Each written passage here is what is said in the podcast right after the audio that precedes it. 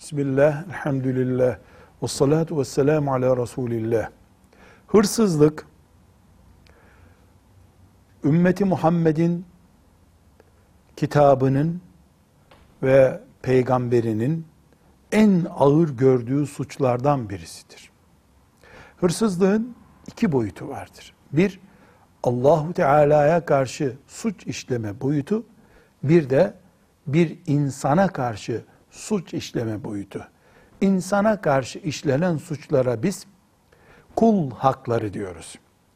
Hırsızlık insana karşı suç işlemek olduğu için bir Müslüman maazallah hırsızlık suçunu işlediğinde hem oturup Rabbine karşı beni affet diye tövbe edecek, istiğfar edecek hem de hırsızlık yaptığı kişiden helallik alacak.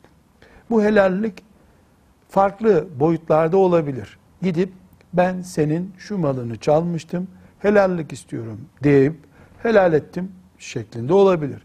Getir çaldığın şeyi geri ver, hakkımı helal edeyim derse o şekilde olabilir ki böyle olması beklenir genelde.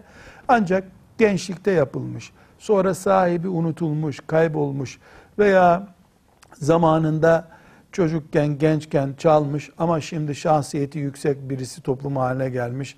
Deşifre edilmesi halinde bir sosyal faciaya neden olacak ve benzeri bir yığın olaylar.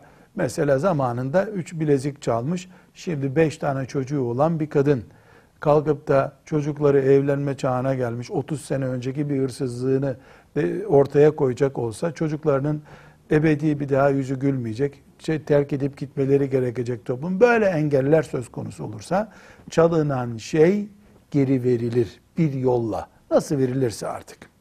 Bu geri ulaştırıldıktan sonra inşallah dileriz Allah'tan bu günahta affolunmuş olur.